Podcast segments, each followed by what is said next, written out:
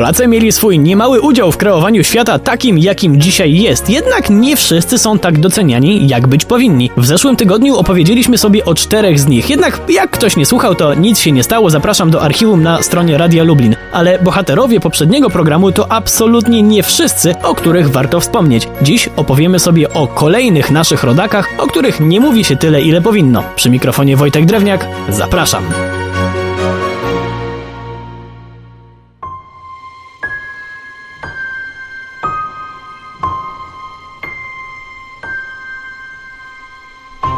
Zaczniemy od wybitnego pianisty z czasów międzywojennych, ale nie, wcale nie chodzi o Ignacego Jana Paderewskiego. Jego wszyscy znają. Chodzi mi o Józefa Hoffmana, który miał też inne zajęcia niż fortepian, ale do tego dojdziemy. Na razie skupmy się na jego muzycznej działalności. Już jako sześciolatek wymiatał na scenie, a mając lat 11 spełnił marzenie każdego dzisiejszego muzyka. Zagrał trasę po Stanach Zjednoczonych i to naprawdę konkretną 52 koncerty, w 10 tygodni. Później, dzięki uprzejmości anonimowego sponsora, mógł się dalej rozwijać i zaszedł naprawdę wysoko, bo został szefem uczelni muzycznej w Filadelfii. Jednak gdyby popatrzeć na jego dłonie, to fakt, że Hoffman był pianistą wcale nie byłby taki oczywisty. Otóż miał ponoć bardzo krótkie palce, ale poradził sobie z tym, bo według niektórych źródeł to on był autorem projektu specjalnego fortepianu dla siebie i generalnie ludzi o niezbyt długich palcach. I tu przechodzimy do znacznie bardziej fascynującego aspektu twórczości pana Józefa. Otóż Hoffman był też genialnym wynalazcą. Zainspirowany tematyką około muzyczną, wymyślił rzeczy, z których korzystamy do dzisiaj. No ale jak niby muzyka może inspirować do tworzenia wynalazków? Spójrzmy na przykład na klucz wiolinowy.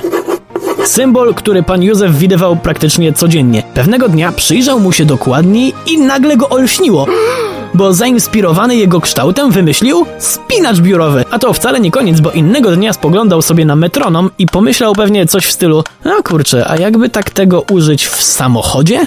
I co to niby przyniosło światu? A wycieraczki samochodowe. Hoffmanowi przypisuje się też mnóstwo innych wynalazków. Piec na ropę naftową, spiralną grzałkę do gotowania wody czy zegar elektryczny. Opatentował w sumie ponad 70 urządzeń i innowacji, a sam Edison nazywał go swoim genialnym kolegą.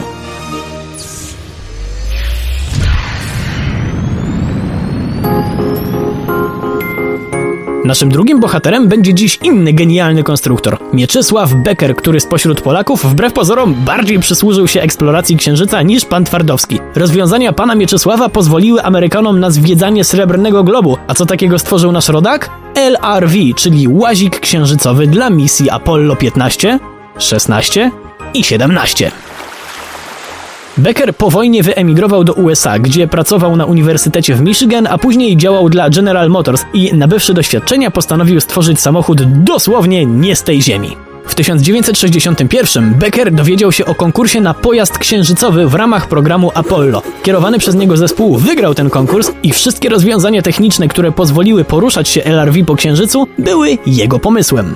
Co takiego umieścił w swoim łaziku? Na przykład opony, które zrobił z ocynkowanego drutu fortepianowego, do którego dołożył tytanowe elementy bieżnika. Jak wiadomo, Amerykanie lubią potężne fury, więc co LRV miało pod maską? Napęd elektryczny, który produkował ćwierć konia mechanicznego, co jednak pozwalało poruszać się pojazdowi z prędkością 13 km na godzinę, chociaż jeden z astronautów jechał nim 18 km na godzinę, co jest nieoficjalnym rekordem prędkości lądowej na Księżycu.